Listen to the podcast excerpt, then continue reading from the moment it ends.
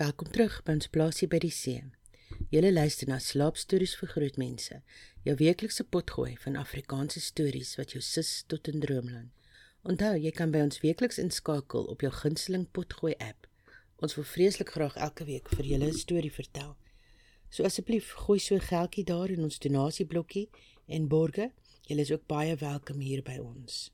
En 'n 5-ster is altyd great. Gaan loer op ons Facebook-page vir meer info en sommer 'n klomp ander lekker goedjies. Hier in Natal is water vanaf die munisipaliteit te skaarste, so ons moes self 'n plan maak en ons eie water opvang uit 'n stroom wat gelukkig deur ons plaasie loop. Dis nou 'n ingewikkelde storie, maar die uiteinde was water in die krane en 'n heerlike dammetjie om die oorloop op te vang. En daai dammetjie is 'n wêreld op sy eie. Ons het so 'n paar waterlelies ingegooi en sien daar Soveel lewe het skielik uit niks ontstaan.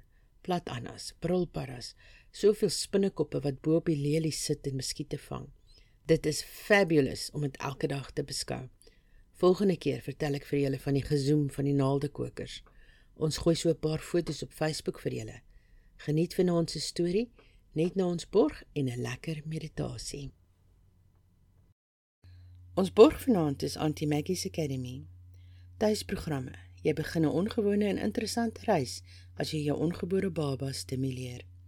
Ons begin die voorgeboorte stimulasie op 26 weke van swangerskap en fokus hoofsaaklik op auditiewe stimulasie, gehoor, taswaarneming, gevoel, visuele stimulasie, visie. Van geboorte tot voorskool graad R fokus ons op die 8 areas van ontwikkeling vir die voorskoolse kind. Al hierdie programme kan ook tuis deur die ouer aangebied word Ons verskaf die tuisprogramme. Kontak gerus vir Maggie by AMA vir meer navrae. info@maggie'sacademy.co.za 082 322 3363 Ek is seker jy is nou lekker snoesig. Kom ontspan nou ten volle. Lê heerlik agteroor. Maak seker jy is gemaklik en jou lyf is op al sy favourite plekkies. Maak jou oë saggies toe. Haal 'n diep asem in deur die neus. Verbeel jou die lug is blink en skoon. Hou in vir 'n paar sekondes. En blaas uit deur jou mond. Kyk hoe verdwyn die dag se bekommernisse in die donkerte in.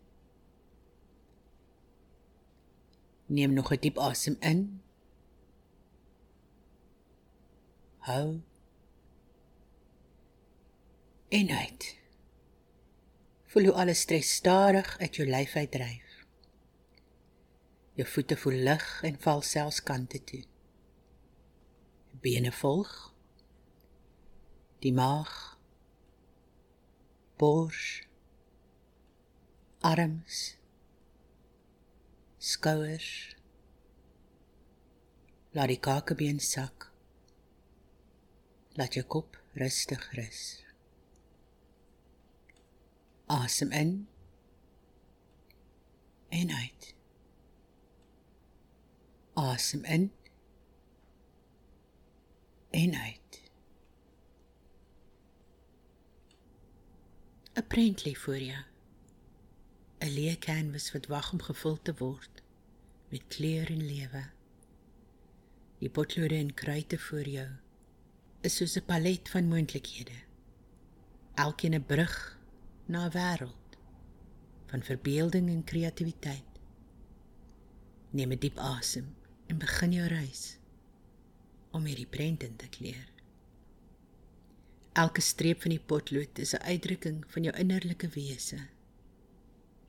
'n Vloeiende beweging van gedagtes na papier.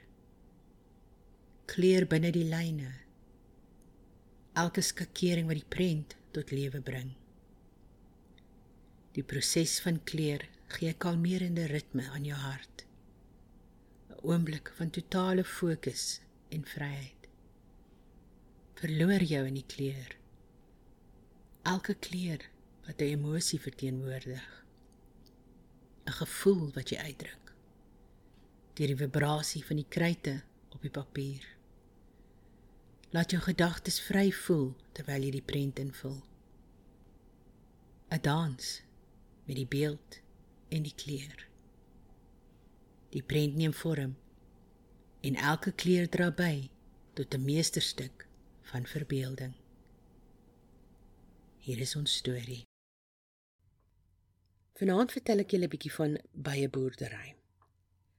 Baie boerdery is mense se doelbewuste onderhouding van heuning by kolonies wat oorwegend in korwe plaasvind. 'n Baie boer of baie kundige mag baie aanhou om heuning en baie was te versamel vir die doel om landbouoeste te bestuif of om baie te kweek vir verkoop aan ander baie boere. Baie word aangehou in 'n baie huis of 'n baie kamp. Wêreldwyd is daar meer as 20000 wilde baie spesies, insluitend baie wat enkel lopend is of wat hulle kleintjies grootmaak in tonnels en klein kolonies soos die messelby of die hommelby. In Suid-Afrika is daar ander interessante baie soorte wat klein primitiewe kolonies vorm, soos die angellose klein mopani of mokkaby. Ander bye is aanleenlopers soos die houtkapperbye wat hulle neste in hout bou. Baie boerdery of baie teelt is gemoeid met die praktiese bestuur van die sosiale byespesie wat woon in kolonies so groot soos 100 000 individue. Die spesies wat oral bestuur word in Europa en Amerika deur baie boere is die westerse heuningby wat verskillende subspesies of streeksvariasies het soos die Italiaanse by, Europese swartby of die Karoliaanse heuningby. In die trope word ander sosiale byspesies bestuur vir heuningproduksie insluitend Apis cerana. Al die Apis mellifera subspesies kom moontlik uitteel en hibridiseer. Baie byteelmaatskappye streef om selektief te broei en kruisteelvariante vir gekose kwaliteite te lewer, soos pes en parasietweerstand, goue heuningproduksie, swermbeheer, vrugbare voortplanters en kalmgeaardheid. Sommige van hierdie basters word bemark onder spesifieke handelsname, soos die Backfast bee of Midnight bee. Die voordele van die aanvanklike F1 basters was deur kruisteelt gelewer word sluit in bastersterkte, verhoogde heuningproduksie en groter siekteweerstand. Die nadeel dat is, is dat in later generasies hierdie voordele kan vervaag. Verder is basters geneig om baie beskermd te wees indien nie suiwer aggressief nie. Om hierdie redes probeer ander byteelers om die oorspronklike inheemse spesies te benut, soos die British Black the French black of the Danish black by tot voordeel van biodiversiteitsbewaring en die produksie van kalmbye.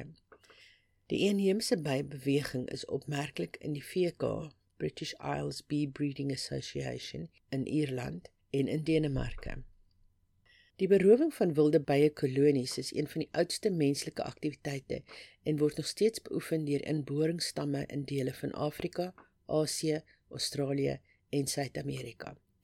Van die vroegste bewys van heuningversameling van wilde kolonies word gevind in grotskilderye wat dateer na omstreeks 13000 VC. Die roof van wilde by heuning word normaalweg gedoen deur die kalmering van bye met rook en die opbreek van bome en rotse waar die bye se nes is, met die gevolg dat die kolonie vernietig word. Eens op 'n tyd het mense bye begin mak maak in kusmatige byekorwe, naamlik holboomstompe, houtkiste, kleivatte en strooikorwe. Die makmaak van bye was goed ontwikkel in Egipte en geseelde heuningspotte is gevind in die grafskuste van die farao's soos Tutankhamun. Baie boerderye is ook beskryf deur die Romeinse skrywers. Virgilius, Gaius Julius Hegenes, Vara en Columella. Aspekte van die bywoonwyse en byeboerdery is diepgaande bespreek deur Aristoteles. Die argeoloog Amiel Mazar het die Hebreëse Universiteit in Jerusalem sê dat fondse in die ruïnes van die stad Rehof met 2000 inwoners op sy tyd, Israeliete en Kanaaniete, 30 heelkorwe bevat het en na 900 VC gedateer kan word wat bewys dat 'n gevorderde heuningbedryf in die Heilige Land bestaan het in die tyd van die Bybel 3000 jaar gelede. Die byekorwe, gemaak van strooi en ongebakte klei, is gevind in ordelike rye, 3 stapels hoog in 'n kamer wat tot 100 korwe kon bevat.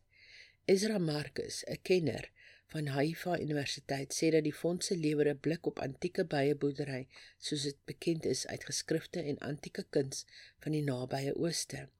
Tekens van godsdienstige praktyke was opmerklik, weens 'n altaar versier met vrugbaarheidsbeeldjies wat langs die byekorwe gevind is. Die bepalende boek oor geskiedenis van byeboerdery is The World History of Beekeeping and Honey Hunting deur Eva Crane. Vir baie duisende jare van menslike byeboerdery was die mense verstandhouding van die biologie en ekologie van die bye baie beperk en besaai met bygeloof en volksoorlewering. Antieke waarnemers het gedink dat die bykoningin eintlik 'n mannetjie was, die sogenaamde bykoning, en hulle het glad nie verstaan hoe bye vermenigvuldig het nie. Dit was nie tot die 18de eeu dat Europese natuurwetenskaplikes die wetenskaplike studie van bykolonies onderneem het en die komplekse en versteekte wêreld van byebiologie begin verstaan het. Prominent onder hierdie wetenskaplike pioniers was Swammerdam, René de Reaumur, Charles Bonnet en spesifiek die blinde Switserse wetenskaplike François Huber. Swammerdam en Reaumur was van die eerstes om 'n mikroskoop en disseksie te gebruik om die interne biologie van die heuningby te verstaan. Reaumur was van die eerste om 'n glaskantige waarnemingskorf te bou om die aktiwiteite binne in die korf beter waar te neem.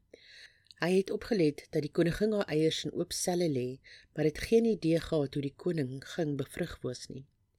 Niemand het al ooit die paring van die koning en die hommelby waargeneem nie met baie teorie dat die koningin self bevrug terwyl ander geglo dat die hommelbye 'n damp of miasma afgee wat die koningin bevrug sonder direkte fisiese kontak. Heber was die eerste een om deur waarneming en eksperimentering te bewys dat die koningin fisies bevrug word deur hommelbye buite die kof, gewoonlik ver weg. Heber het verbeterde glaskorwe volgens Reaumur se ontwerp gebou en ook deursnitkorwe wat kon oopmaak soos die bladsy van 'n boek om die individue vaskoeke te inspekteer. Dit het die direkte waarneming van aktiwiteite binne in die kor grootliks verbeter. Alhoewel hy blind word voor hy 20 was, werk hy sekretaris François Boemens vir hom en maak daagliks waarnemings, voer noukeurige eksperimente uit en nou akkurate notas oor 'n periode van 20 jaar. Hierby bevestig dat 'n korf bestaan uit een koningin wat die moeder van al die vroulike werkers en manlike hommelbye is. Hy was die eerste wat bevestig het dat paring met die hommelbye buite die korf afspeel en dat die koningin bevrug word deur talle suksesvolle parings met manlike hommelbye, hoog in die lug en ver van die korf. Saam met hy en Burnens bye onder die mikroskoop gedissekteer en was hulle van die eerstes om die eierstok en saadsak van die koningin as ook die penis van die manlike hommelbye te beskryf. Huber word algemeen beskou as die vader van moderne bywetenskap en sy Novellus Observations sur les abeilles, nuwe waarnemings oor bye, 1792, maak al die basiese wetenskaplike waarhede van die biologie en ekologie van die heuningby bekend. Vroeë metodes van heuningversameling het die vernietiging van die hele kolonie behels tydens oesting. Daar is skree in die wilde korf ingebreek met rook om die bye te bedwelm en die heuningkoeke uit te skeer, saam met die eiers, larwes en heuning wat hulle bevat. Die vloeibare heuning van die vernietigde broeinies was ruwweg gesif deur 'n sif of mandjie. Dit was verneelsigtig en onhigiënies, maar dit het, het nie vir die jagterversameler gemeenskap saak gemaak nie, aangesien die heuning normaalweg dadelik gebruik was en daar altyd nog wilde kolonies vir uitbuiting was. Vir gevestigde gemeenskappe het die vernietiging van 'n byekolonie egter die vernietiging van 'n waardevolle bate beteken. Die nadeel het bestaan tot die 19de eeu wat byeboerderye beide oneffektief en 'n soort van ruk-en-sluk besigheid gemaak het. Daar kon geen aaneenlopende produksie en geen selektiewe broeiery wees nie, aangesien elke bykolonie vernietig was tydens die oes, tesame met die ou koningin. Gedurende die middeleeue was kloosters die middelpunt van byeboerdery aangesien baie was hoogs gesog was vir kersse en gegiste heuning gebruik is om alkoholiese heuningbier te maak in streke van Europa waar wingerde nie wou groei nie. Die 9de eeu sien 'n omwenteling in baie boerderypraktyk met die ontdekking en vormvolmaking van die beweegbare koekorf deur Lorenzo Langstroth, 'n Italiaanse immigrant na die Verenigde State. Langstroth was die eerste persoon om prakties gebruik te maak van Huber se vroeë ontdekking dat daar 'n sekere ruimtelike afstand tussen waskoeke bestaan, later genoem die bye spasie, wat bye nie net met die was sal blok nie, maar sal hou as 'n oop spasie. Na bepaling van die beiespasie tussen 5 en 8 mm het Langstros 'n reek houtrame ontwerp binne 'n reghoekige korfkus. Versigtig die korrekte beiespasie tussen opeengevormde rame behou en gevind dat beie ewewydig heuningkoeke in die kas behou sonder om die koeke aan mekaar of aan die kas se kant te las. Dit stel die beieboer in staat om die rame uit te haal vir inspeksie sonder om die beie of die koek te beskadig en die eiers, die larwes en papies binne in die sel beskerm.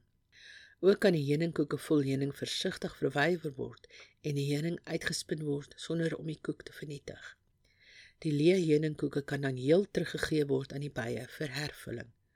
Langstroth se klassieke boek The Hive and Honey Bee, gepubliseer 1853, beskryf sy ontdekking van die bye spasie en die ontwikkeling van die beweegbare koekkorf patent.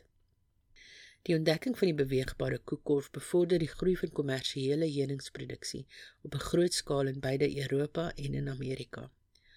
Langstrof se ontwerp van beweegbare koekkorwe was deur baie boere en ontdekkers aan beide kante van die Atlantiese Oseaan aangegryp en 'n wye verskeidenheid beweegbare korwe was ontwerp en vervolmaak in Engeland, Frankryk, Duitsland, die Verenigde State.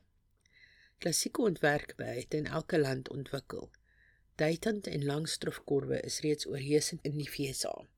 In Frankryk het die George Lalande deurkorf populêr geword en in die VK het die British National Korf so laat as die 1930s die standaard gevolg terwyl die kleiner Smith korf steeds in Skotland gewild bly.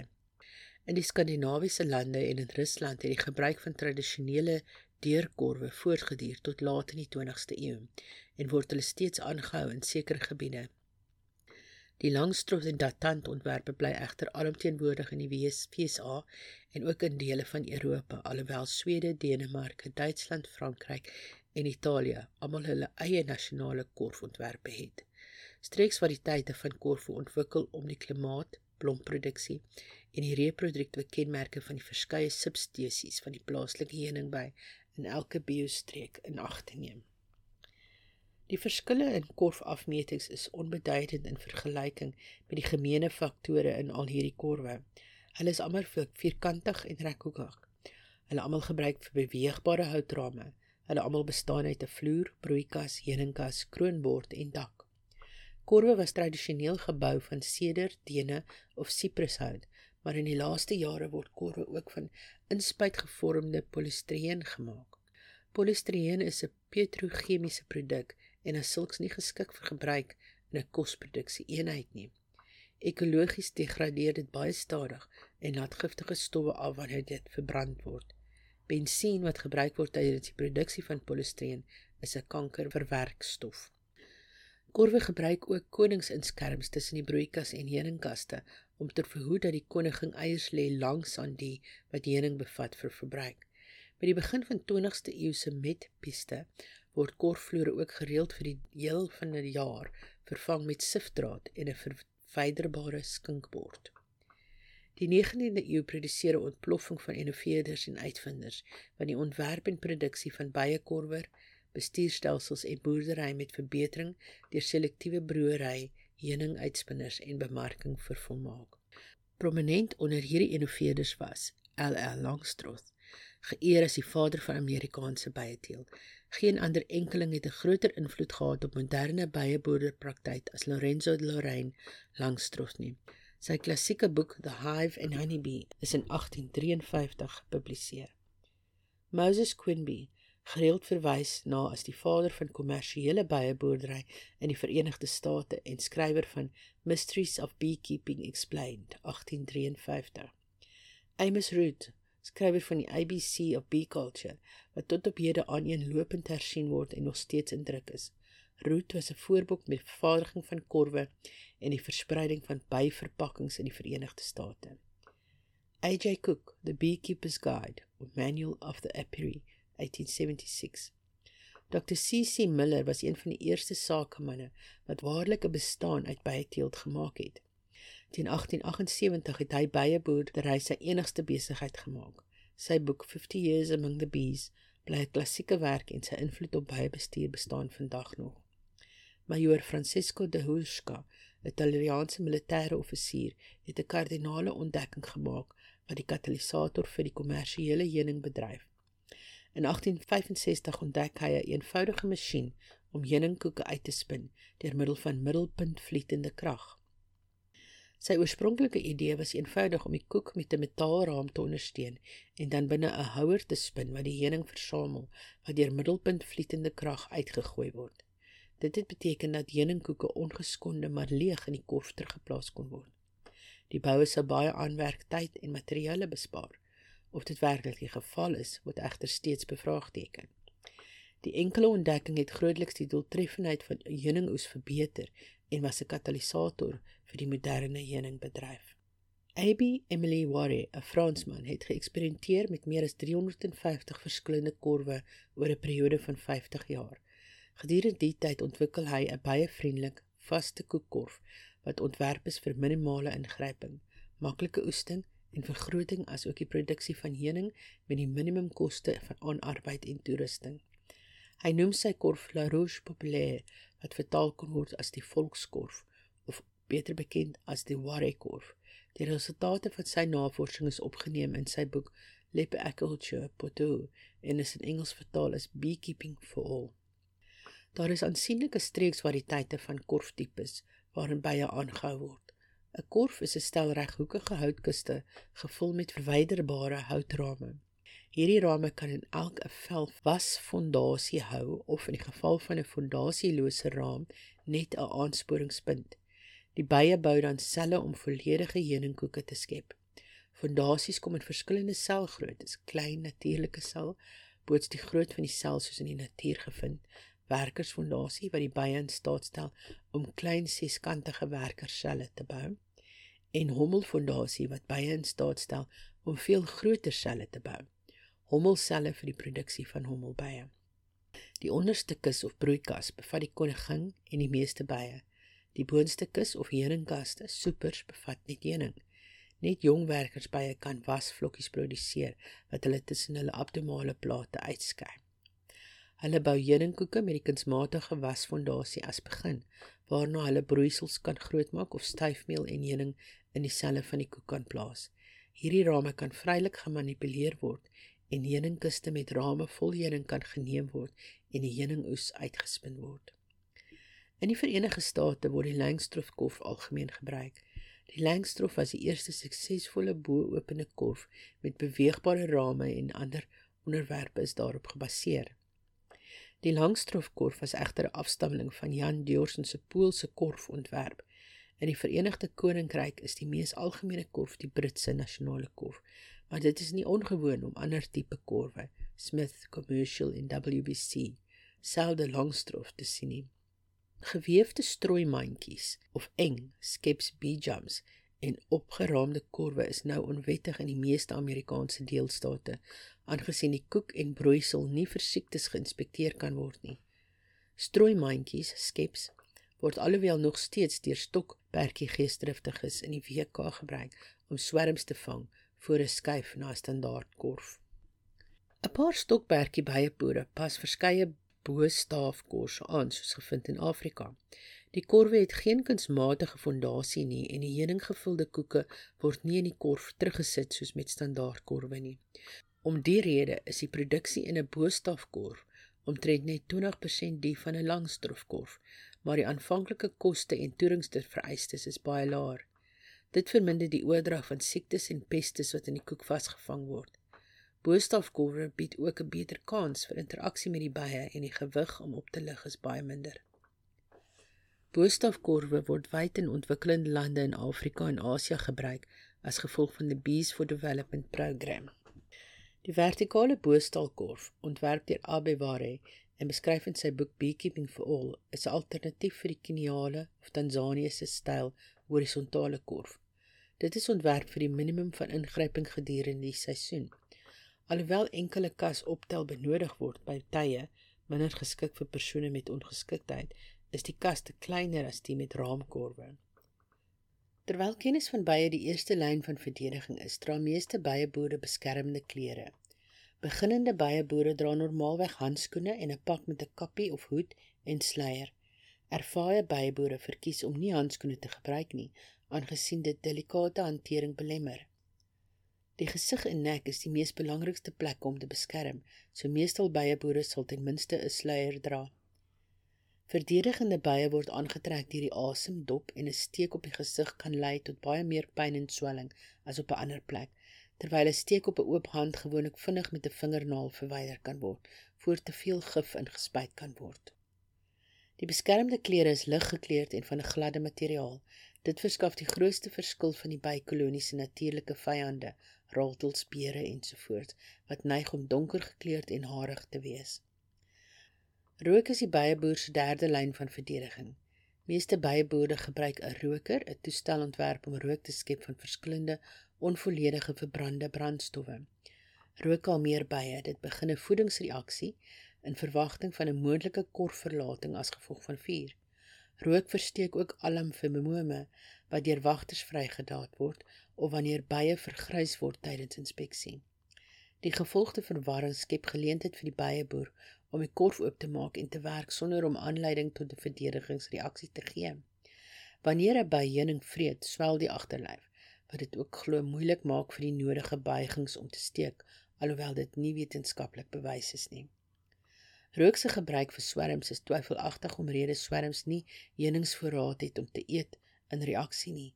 Rook is egter gewoonlik nie nodig nie, aangesien swerms neig om minder aggressief te wees, juis omrede hulle geen voorraad het om te verdedig nie en 'n vars swerm goed gevreet het voor hulle vlug.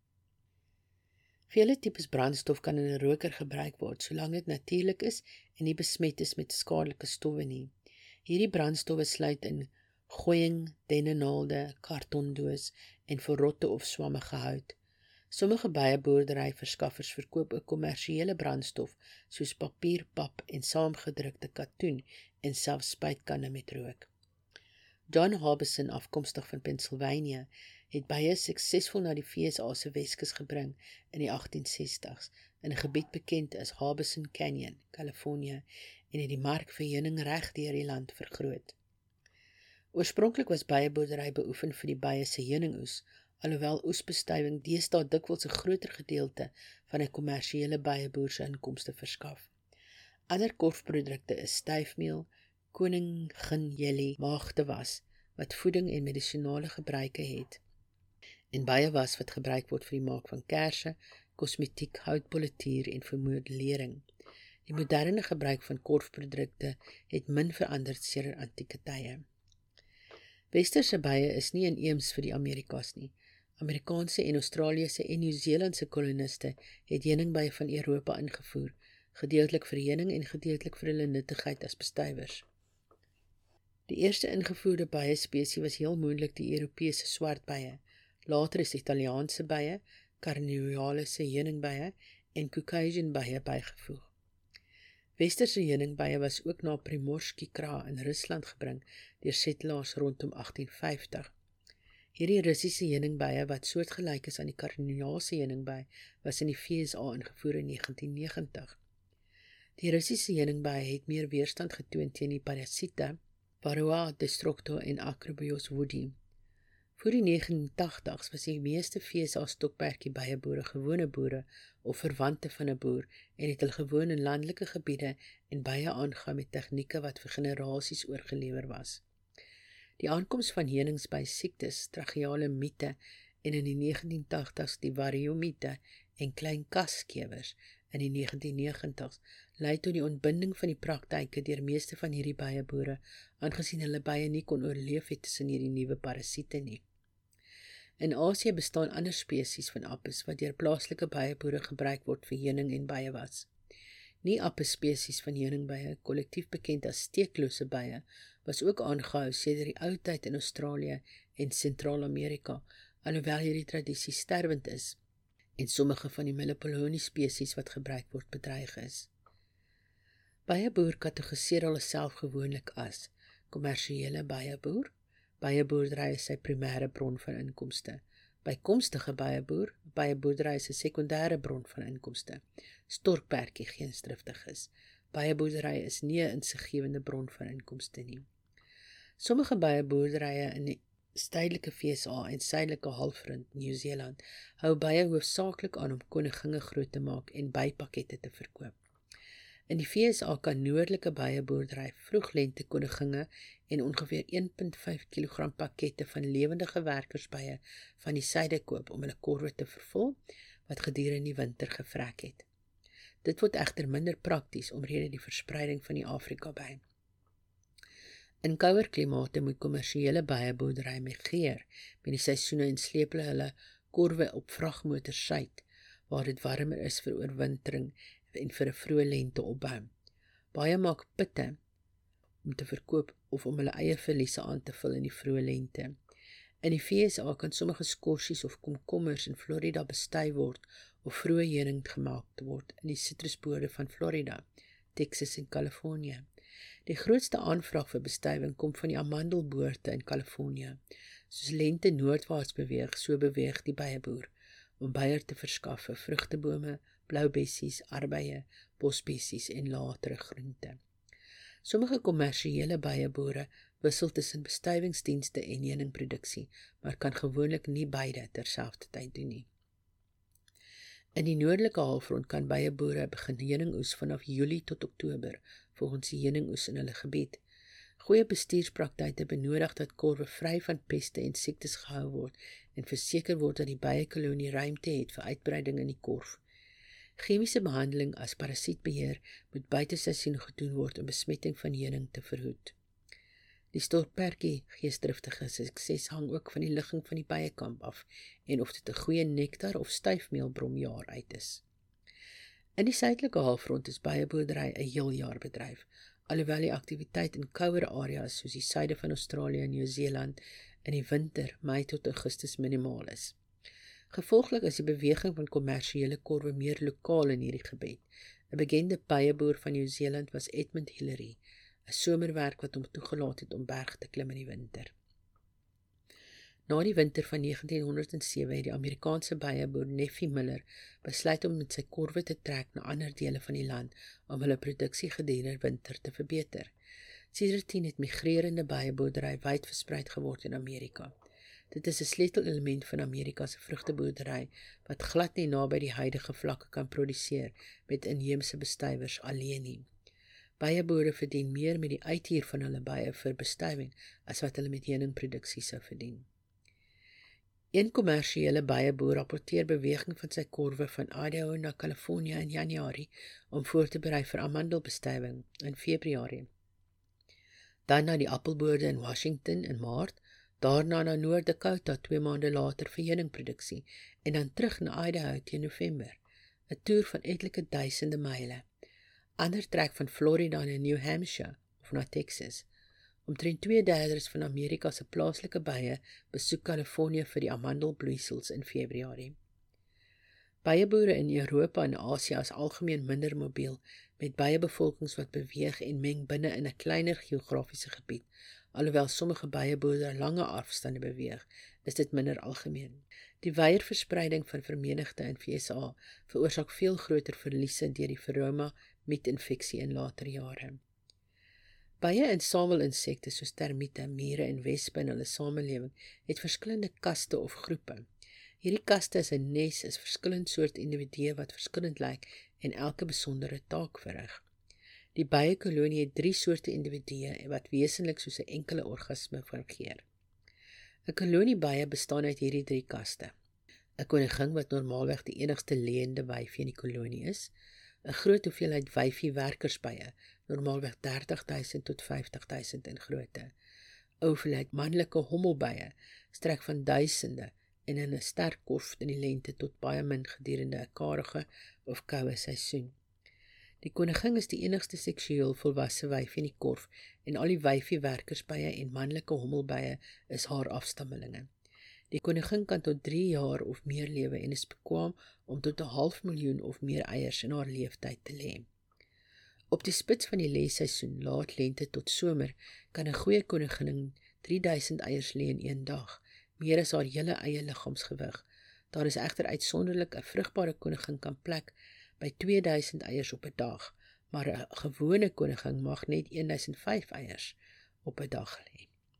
Die koningin word gekweek van 'n normale werker se eier, maar word meer gevoer met 'n stof genoem koningin jelly, as normale werkers. Dit veroorsaak 'n radikale verskillende groei en gedaantewisseling.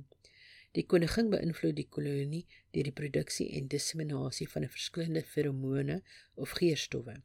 Een van die geurstowwe onderdruk die ontwikkeling van eiersakke in al die wyfie werkers by in die korf en verhoed dat hulle eiers lê. Die koningin verskyn van haar sel na 15 dae van ontwikkeling en sy bly in die korf vir 3 tot 7 dae voor sy uitgaan op haar paringsvlug. Haar eerste oriënteringsvlug kan net 'n paar sekondes duur, net genoeg om die posisie van die korf te merk.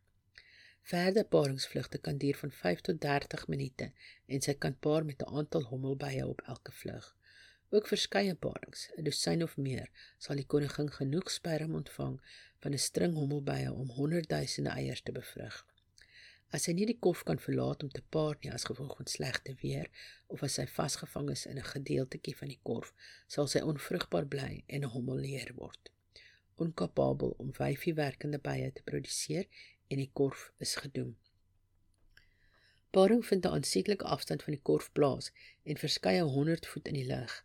Daar word geredeneer dat dit sterk hommels van die swakke skei en verseker dat slegs die vinnigste en sterkste hommels hulle gene kan oordra. Na aanloop van 'n suksesvolle paringsvlug sal die koning na 'n paar dae vir die eerste keer begin eiers lê. Die oorgrootste meerderheid eiers wat sy bevrugte eiers en sal wyfie werkers by produseer. As hy onbevrugte eier lê, ontwikkel dit in hommelbye. Hoe die kolonie besluit hoeveel werkers teenoor hommelbye grootgemaak moet word, word nog nie ten volle verstaan nie. Amper al die bye in die korf is wyfie werkers bye. Tydens die hoogtepunt van somer wanneer werk in die korf woes en aanlopend is, kan die lewe van 'n by tot so kort soos 6 weke wees. In laat herfs wanneer geen broeisels grootgemaak word en geen nektar geoes word nie, kan 'n jong by tot 16 weke leef, regdeur winter. Gedurende die lewe van 'n werkersby verrig sy verskillende funksies in die korf wat hoofsaaklik deur die ouderdom van die by bepaal word. Hommelbye is die grootste bye in die korf, amper 3 keer die grootte van 'n werkersby. Hulle doen geen werk nie, oes nie styfmeel of nektar nie en word slegs geproduseer om met nuwe koninginne te paar en hulle te bevrug op 'n paringsvrug. 'n Bye kolonie sal gewoonlik hommelbye begin grootmaak 'n paar weke voor hulle koningsselle begin bou om 'n vallende koningin te vervang of om voor te berei vir trek. Wanneer die koningin broeiseisoen oor is, sal bye in kouer klimate die hommelbye uit die kort dryf om te vrek en hulle byt en skeer aan hulle pote en vlerke. Die hommelbye het 'n nuttelose las vir die kolonie geword en sal nie langer geduld word nie. 'n Makgemaakte bye kolonie word gewoonlik 'n rekhoekige korfkus gehuisves met tussen 10 en 12 parallelle rame wat die vertikale koekplate vashou en die eiers, larwes, poppies en kos vir die kolonie bevat. As iemand 'n vertikale dwarsdeursnit maak deur die korf van kant tot kant, sal die broeinies rofweg soos 'n ovale bal lyk en 5 tot 8 koekrame bestaan. Die twee buitenste koeke aan elke kant van die korf is geneig om slegs te gebruik geword vir die langtermynstoor van heuning en styfmeel. In die middel van die broeines sal 'n enkele koekraam normaalweg 'n middelste skyf eiers, larwes en geseelde broeiselle hê wat amper tot op die kant van die raam kan strek. Direk bo op die broeiarea strek 'n hoog styfmeel gevulde selle van kant tot kant en bokant dit nog wyeer boog heuning gevulde selle wat strek tot die raam se bokant. Die styfmeel is proteïnryke kos vir die ontwikkelende larwes, terwyl heuning ook kos is maar energiekryk eerder as proteïnryk is. Die jong werkers by sal sorg vir die groeiende broeisel skei, 'n spesiale kos genaamd koningjelie uit wat hulle gevoed het op heuning en styfmeel. Die hoeveelheid koningjelie wat 'n pop gevoer word, bepaal of dit 'n werker of koning by gaan word. Benewens die heuning in die broeiarea gestoor, stoor baie ekstra heuning in die koek bo op die broeines. In moderne korwe plaas die byeboer aparte kiste genaamd heuningskaste bo die broeikas waarin vlakker koeke stoorplekke voorsien vir heuning. Dit stel die byeboer in staat om heuningkaste die laat somer te verwyder en die ekstra heuning te oes sonder om die kolonie seer te maak of om die broeines te versteur. En as die heuning gesteel is sonder om genoeg oor te hou vir die winter, moet die byeboer die bye voer met stroop.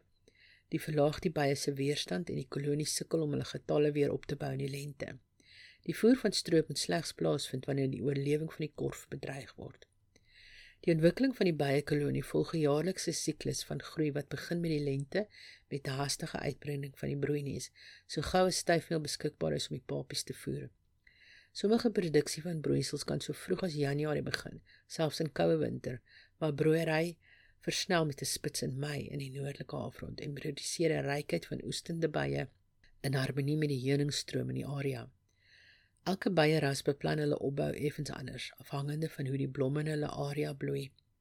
Sommige streke van Europa het twee nektarstrome, een in laat lente en nog een laat Augustus. Ander streke het slegs 'n enkel nektarstroom. Die bedrywende van 'n beieboer lê in vooruitskatting van wanneer die nektarstroom sal plaasvind, dat sy kolonie die maksimum bevolking van oester sal hê op die regte tyd. Lekker slaap.